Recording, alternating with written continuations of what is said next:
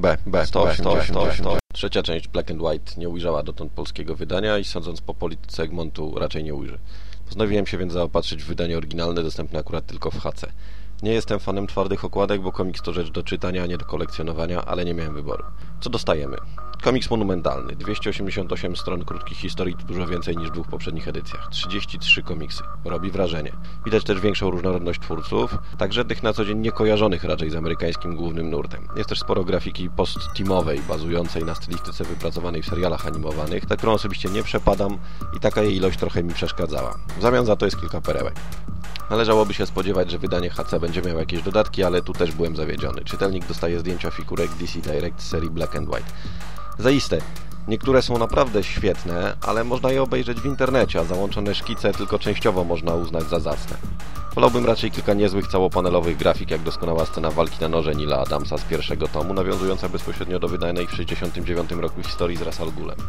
Ale nie można mieć wszystkiego. Okładkę zdobi lakier UV i niezbyt rewelacyjny rysunek Franka Millera.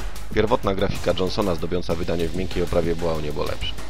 Ze względu na ilość komiksów, w tym i następnym odcinku pozwolę sobie omówić dokładniej tylko wybrane z nich. Pierwsze dwie historie zwracają uwagę stroną graficzną. A Moment in Light w wykonaniu Weisenfielda to uczta dla oczu, chociaż ten malarski popis woła o pełny kolor zamiast skali szarości. Natomiast kreska McMahona w Fat City przypomina niepokojąco kreskę Maxa Andersona. Karykaturalna i pokręcona jest dużo lepsza od idiotycznego scenariusza, który zaskakuje jedynie tym, że maczał w nim palce Gibbons. The Call natomiast ujęło mnie. Przede wszystkim rysunkami w wykonaniu Claudio Castelliniego.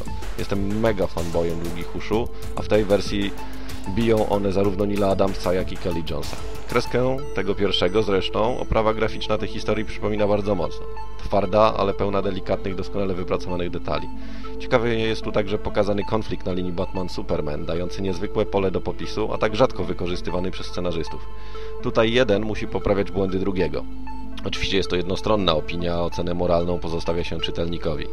I te uszy, te niesamowite uszy, jak jakiś fetysz. To jest taki Batman, jakim chciałbym go widzieć częściej. Lesson to wycieczka w dzieciństwo sieroconego Wayne'a, ale nie jest niczym specjalnym. Może ewentualnie ze względu na rysunki Alamiego. Day and Night in Black and White natomiast to ewidentnie odprysk stylistyki serialu animowanego. Zarówno w warstwie rysunkowej, gdzie DeCarlo i Austin wykonali robotę mocno stylizowaną na Tima, jak i w scenariuszu, który stworzył Carlin. Nie przepadam za tą stylistyką, więc mnie ta historia zainteresowała o tyle, że nie występuje w niej Batman, a Batgirl i to oryginalna. Bottom Line to kolejny komiks z tej półki, w dodatku ewidentnie cyfrowa grafika zupełnie nie pasuje do tego bohatera. Kirby Monsters to kolejna i niestety sztampowa wariacja na temat gazu strachu Scarecrowa. Mocno ratuje ją świetny jak zwykle Darwin Cook jako artysta i ciekawe nawiązanie do Two-Face'a. Urban Legend z kolei zwraca uwagę ciekawym spojrzeniem na postać z zewnątrz, oczami niewtajemniczonego dziennikarza. Last Call at McSallis natomiast to prawdziwy rarytas.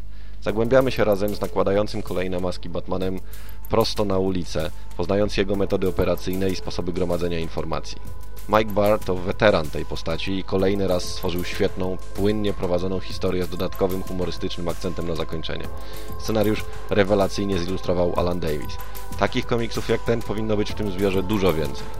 Bruce Wayne jest Batman, zwraca uwagę rysunkami Chrisa Bachalo, bardzo różnymi od tego, do czego nas przyzwyczaił chociażby w Sandmanie czy w Śmierci. Scenariusz oparty jest na ciekawym pomyśle, że wariatka niechcący dobrze typuje tożsamość Batmana, nie zdając sobie sprawy z tego, że zgadła. Kolejne dwie historie, Never Say Die i Thin Edge of a Dime, to tradycyjne, mroczne opowieści. W tej drugiej zwraca uwagę puenta i rysunki Dicka Giordano. Dobrą, acz przewidywalną puentą zwraca też uwagę kolejne No Escape. Punchline to nawet dosyć śmieszny, ale niestety stanowczo nadmiarę rozciągnięty żart w stylistyce graficznej serialu animowanego. A na zakończenie dzisiejszego odcinka Hands. Nastrojem i tematyką przypomina świetną wieczną żałobę McKeevera z tomu pierwszego. Batman próbuje ustalić tożsamość znalezionego ciała, czteroletniej dziewczynki. Takich chwilach można doskonale zobaczyć zupełnie inną stronę tej postaci. To nie detektyw, nie wojownik, który staje twarzą twarz z lufami i ostrzami noży, ale właśnie rycerz. Pewnego rodzaju posłannik, emisariusz spokoju i przebaczenia, przynoszący ludziom zbłąkanym i cierpiącym ukojenie i odpuszczenie ich win. Naprawiający krzywdy. Rzadko zdarza się, aby obrońca Gotham został pokazany z tej strony, a jest ona przecież bardzo ważnym elementem jego konstruktu psychicznego. Dodatkowo oprawa graficzna, którą stworzył Zezel, wprowadza ciężką, mroczną i duszną atmosferę cierpienia, winy i śmierci. Dla mnie to jeden z najlepszych komiksów w tym zbiorze. Ciąg dalszy w kolejnym odcinku.